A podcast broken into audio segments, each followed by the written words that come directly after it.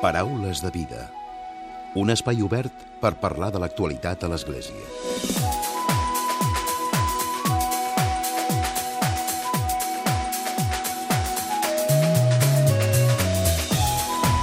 Què tal? Salutacions i molt bon dia, molt bon diumenge. El passat cap de setmana es va celebrar Sant Julià de Lòria, al Principat d'Andorra, la quarta edició del Canòlic Music, un festival de música cristiana que any rere any creix i que enguany ha plegat centenars de joves del Principat d'Andorra, de les Terres del Pirineu i també de la diòcesi d'Urgell i joves de Barcelona, de València i de Madrid. Actuacions musicals, però també espais per la reflexió, com la missa, o també pregàries han format part dels actes dels dos dies del Canòlic Music, un projecte que impulsen les delegacions de joventut i també ensenyament del Bisbat d'Urgell. De seguida en fem balanç amb el delegat diocesà d'ensenyament del Bisbat d'Urgell, mossèn Pepe Gisbert. Amb ell repassarem també els principals actes d'aquest festival, que també va incloure un concurs de joves talents, el Dona't a conèixer, o també la gravació d'una flash mob amb el títol Hoy ya soy feliz. De la part formativa destaquen també els tallers d'expressió corporal, de hip-hop o també de percussió corporal, entre d'altres.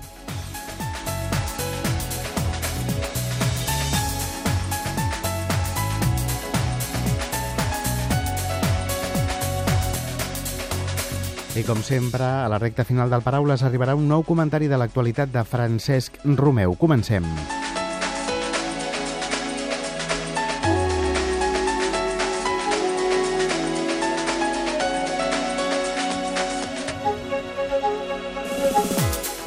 Mossèn Gisbert, bon dia i benvingut. Bon dia, moltes gràcies, ben trobats. Un Canòlic Music, una quarta edició que ha estat tot un èxit. Sí, la veritat és que estem molt contents. Allò que va començar com un somni fa ara quatre anys, quatre edicions, doncs aquest any ja doncs confirmen que és una edició, la d'enguany, de consolidació. Aquell somni, repeteixo, de fa quatre anys, s'ha convertit en una realitat, un espai educatiu, un espai de pregària, un espai per trobar Déu, per part dels nostres adolescents i joves doncs, del Principat d'Andorra, de Catalunya, i aquest any també doncs, amb gent de València, de Madrid, de la part sud francesa. Uh -huh. Parlem de com es prepara, de com es munta tot un festival d'aquestes característiques. No sé si, si és pioner, si tenim algun referent pròxim. Bé, per nosaltres, per muntar aquest espai educatiu com d'altres, sempre és fonamental l'equip humà un equip de joves amb vida, amb il·lusió, amb engrescat, amb ganes de, de recrear l'Evangeli, doncs fent servir la música com un instrument vehicular doncs que faci servir la música per, per transmetre els valors de la fe, els valors de l'Evangeli. I aquest somni de fa quatre anys, a poc a poc s'ha anat consolidant, doncs i any rere any va increixent la participació. Doncs el repte nostre d'aquest any era arribar als 1.500, en el moment més, més fort del festival, que va ser la missa de la tarda, i així va ser l'embelat doncs, que vam muntar aquí al, al, Prat, al Prat Nou de la parròquia de Sant Julià de Lòria. Mm. Parlem concretament dels actes que, que havíeu pensat, que havíeu preparat. Hi ha una mica de tot, no? Com diem, actes que són més lúdics, eh, la vessant més lúdica, però també els espais de reflexió, com dèiem, no? Sí, efectivament, vam començar tot el projecte el divendres a la nit, a les 9 de la nit, ja van acabar d'arribar tots els autocars i tots els participants inscrits a, al festival, i vam començar com a concert d'entrada amb el grup One, que és un grup de joves d'aquí del Principat d'Andorra, és el grup de joves que van néixer perquè a la missa d'infants i joves de la parròquia de Sant Julià de Lòria és un grup doncs, que anima, anima sempre aquesta celebració dels joves. I ells van ser els que van obrir el festival. Tot seguit, doncs amb l'Escola Municipal de Dansa van tenir la coreografia de benvinguda, la cançó d'inici amb tots uns efectes, perquè com a novetat aquest any teníem una mega pantalla de 32 metres quadrats de fons de l'escenari i el concert de l'Andy Hunter, que és DJ, aquest és eh, un DJ que va venir de Londres, és cristià, és l'autor de la banda sonora de la pel·li Matrix, doncs, i tot seguit ja amb els joves d'aquí del Bisbat d'Urgell van fer la pregària de la nit i tothom al seu lloc de descans. L'endemà, dissabte, tot va començar, bueno, cada, cada lloc on dormien un equip de, de persones de la parròquia, gent compromesa, van cuidar d'organitzar tot el que és l'esmorzar, i a les 10, a la mateixa església parroquial, vam treure tots els bancs de l'església i vam fer tot una, un gran espai d'acollir dels joves, doncs vam tenir la pregària d'inici animada doncs, organitzada pel delegat de joventut del Bisbat i coordinada també musicalment per Cairoi. D'aquí ja vam anar tots cap a la carpa, perquè, com deies a la presentació del programa, durant tot el matí del dissabte vam tenir aquest espai que nosaltres doncs, el tenim com a titular Dona't a conèixer. Espai on es presenten joves talents, grups de joves de, de les nostres parròquies, grups de joves dels esplai, de les escoles confessionals o escoles públiques. Nosaltres proposem un títol, una paraula, aquest any concretament era esperança, i a partir d'aquí doncs, un jurat que valorava la lletra de la cançó i la música. Acabava al matí amb la coral de l'Escola de Segona Ensenyança d'Encamp, de l'Escola Andorrana, i Espai per dinar. I a la tarda vam tenir una gran flash move, eh, coordinada també doncs, per l'Escola de Dansa i amb el grup de Toño Casado, que van ser els que la van fer a la Jornada Mundial de la Joventut a Polònia aquest estiu. I aquesta flash move que van muntar donava pas als tallers, els diferents tallers que van fer al centre de congressos, d'aquí ja berenar i tothom cap a la carpa a la gran celebració de l'Eucaristia, animada per Toño Casado i els joves que venien de Madrid. Uh -huh. ah. Després, un moment per sopar, una botifarrada per tothom, i el concert de la nit, que vam tenir els grups al 150 i Cairoi, que presentaven tots dos el seu nou disc. Uh -huh. I a més a més, eh, activitats que s'han pogut fins i tot seguir via streaming a través de la televisió, a través del canal del YouTube del Bisbat d'Urgell, oi? Sí, vam tenir la celebració de l'Eucaristia concretament, doncs va, vam fer la retransmissió en directe per la Televisió Nacional, Televisió Nacional d'Andorra, Televisió dels Pirineus, per tant donaven cobertura a Cerdanya, al Turgell, a tots els Pallars, i per streaming també a través del canal YouTube del Bisbat d'Urgell, arreu del món, doncs els que van voler van poder seguir en directe la celebració de l'Eucaristia. De fet, a data d'avui també està penjada tota la celebració de l'Eucaristia a la mateixa web del Bisbat d'Urgell, es pot, es pot reviure doncs, aquesta celebració. Un servidor com a rector de Sant Julià la va presidir i ens va acompanyar al final de l'Eucaristia el nostre bisbe nostre arquebisbe Joan Enric i copríncep d'Andorra, que es va fer la benedicció, la salutació final, i va donar també la benvinguda a tots els participants al festival. De fet, l'arquebisbe d'Urgell també s'adreçava als joves dient-los que res d'inconformisme, no? de que estaven allà com a mostra també d'aquest compromís amb la fe i, i precisament demostrant-ho allà mateix, oi? Sí, sí, perquè realment és que el cap de setmana està de, de veritat molt intens a tots els que han participat, ha estat una experiència forta de fer. I volíem que els joves participants i els seus animadors, monitors, mestres i profes de religió de les escoles públiques que els han acompanyat, que emergeixin amb el titular i tu què fas? Doncs moltes vegades és molt fàcil caure en la crítica, en dir que tot està perdut, que no hi ha res a fer, i bueno, bueno, bueno, tu què pots fer per millorar el nostre món? Doncs Déu s'ha fet home, Déu ha vingut a la humanitat i nosaltres som un instrument a les seves mans i si volem podem fer tantes coses per transformar el nostre món i són tants els que esperen de nosaltres i aquest va ser el missatge doncs, de tot el cap de setmana, les diferents activitats, també va ser doncs, el missatge que el nostre bisbe doncs, va voler doncs, va voler llançar als joves participants. De fet, trobades, esdeveniments d'aquest tipus multitudinaris demostren, amb, amb el jovent de pel mig, demostren de que res de que estiguin allunyats de l'Església, no? O sigui, en aquest cas és com més aviat es demostra. Bé, jo sóc fill de pagès, el meu pare sempre deia que cadascú parla de la fira segons li va. Evidentment, jo tinc molts companys i, i que es queixen i que no ve ningú i que els joves no ven a la parròquia i, bueno, evidentment això pot passar a l'església o a altres àmbits, eh? pot passar a qualsevol indret. Es tracta de, de sortir, si els joves no venen, doncs hem d'anar a buscar-los als seus espais, fer la proposta i jo crec que hi ha un gran secret, eh? el gran secret que deia Sant Joan Bosco, que era estimar. Però no n'hi ha prou en estimar. Els joves s'han de sentir estimats.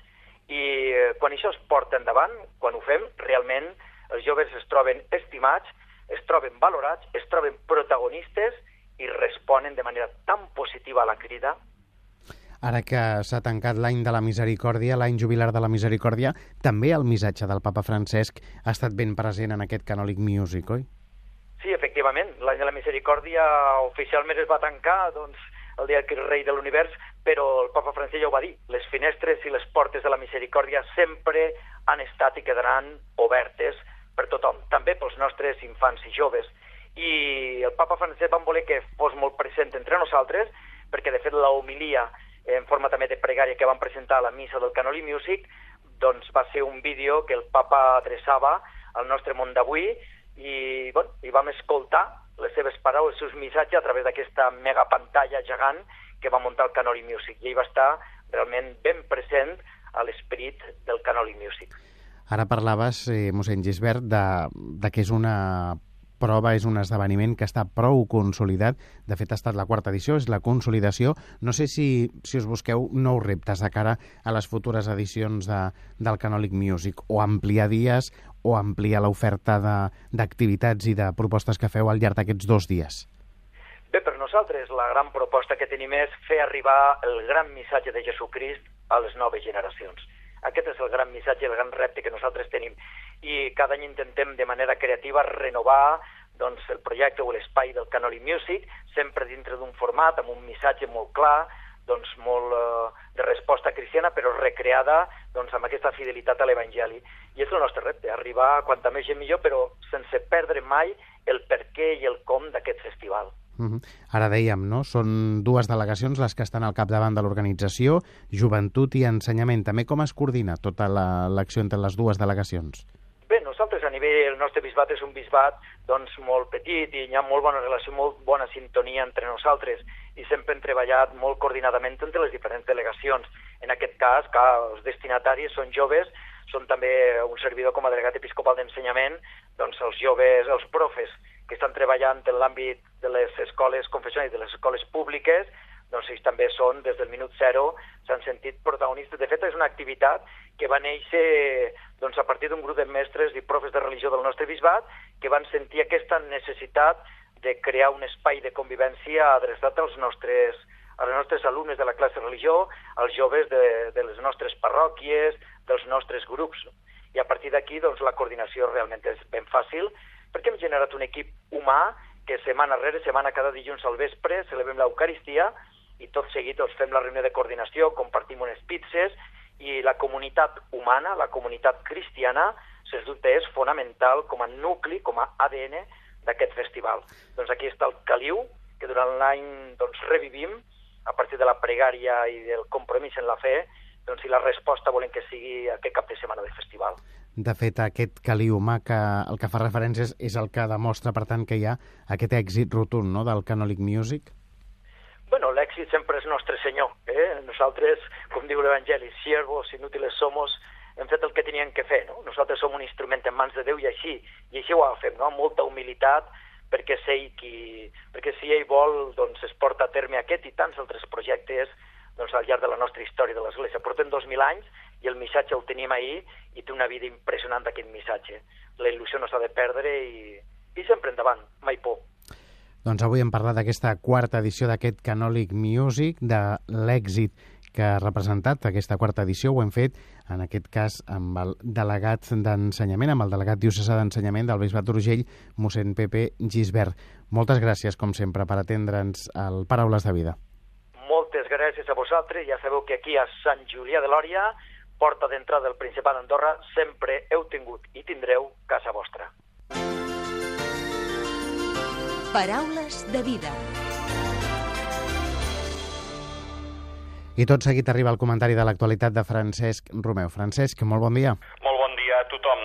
Dissabte passat va morir a Beirut el pare Peters Hans Kolbenbach, el qui va ser durant 24 anys el superior general de la Companyia de Jesús. Nascut el 1928 a Druten, als Països Baixos, va passar més de 20 anys al Líban, uns anys que van marcar profundament la seva formació i personalitat. Van ser una immersió en el món oriental, en les seves llengües i tradicions culturals i espirituals, que el van convertir en un convençut defensor de l'ecumenisme. Durant aquests anys ell va ser el provincial dels jesuïtes, però també van ser els anys de la Guerra Civil al Líban. Més endavant va ser elegit com a superior general dels jesuïtes. Recordem que la renúncia del pare Pedro Arrupe l'any 1983, precipitada per la seva malaltia, una trombosi que l'havia incapacitat, i un període de tensió amb la Santa Seu, que va posar al capdavant de la companyia de manera provisional els pares d'Etza i Pitau, va acabar amb el nomenament de Kolbenbach el 13 de setembre del 1983. Des de llavors i durant els següents 24 anys va portar el timó de la companyia de Jesús i va aconseguir una cosa ben difícil, succeir a Rupe sense quedar eclipsat per la seva ombra, passant a ser un personatge carismàtic, estimat i conegut arreu del món. Malgrat les grans expectatives, comparacions i potser crítiques degudes al fet d'anar darrere d'un gran predecessor.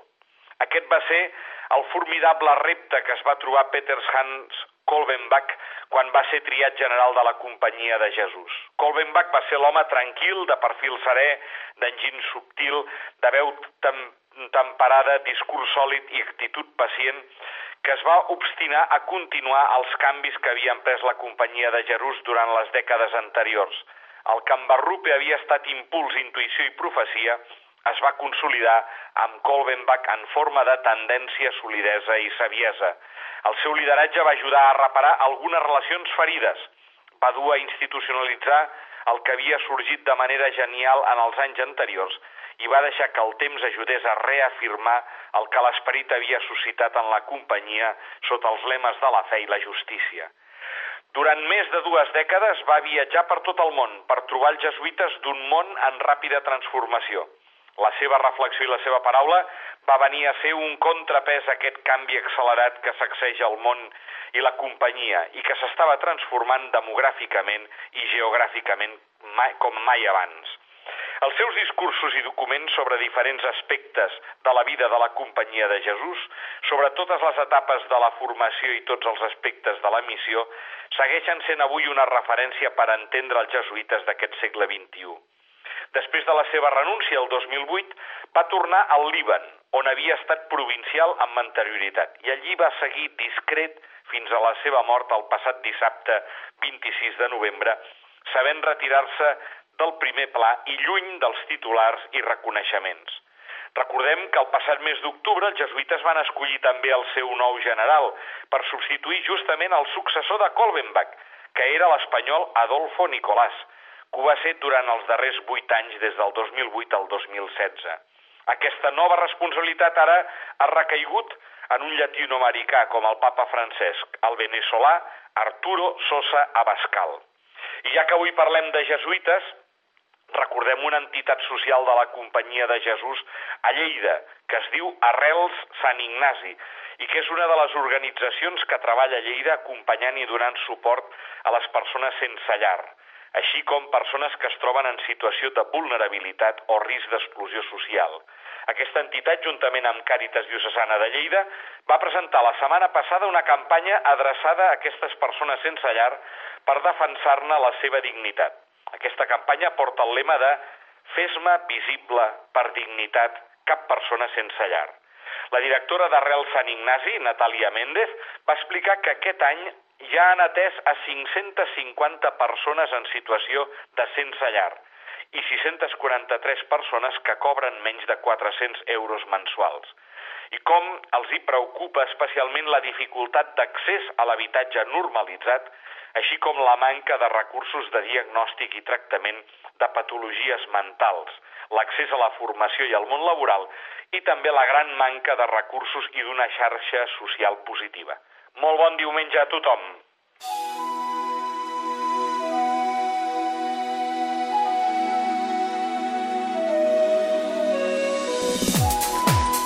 Fins aquí el Paraules de Vida d'aquesta setmana i d'aquest diumenge. En Josep Maria Marçà ha estat el control tècnic i qui us ha parlat l'Emili Pacheco. Que passeu una molt bona setmana. Adéu-siau. Us oferim la carta dominical de l'arcabisbe de Barcelona, Joan Josep Omella. Déu vos guard. El proper dijous, l'Església celebra la solemnitat de la Immaculada Concepció quan estem a mig camí de la preparació per a la festa de Nadal.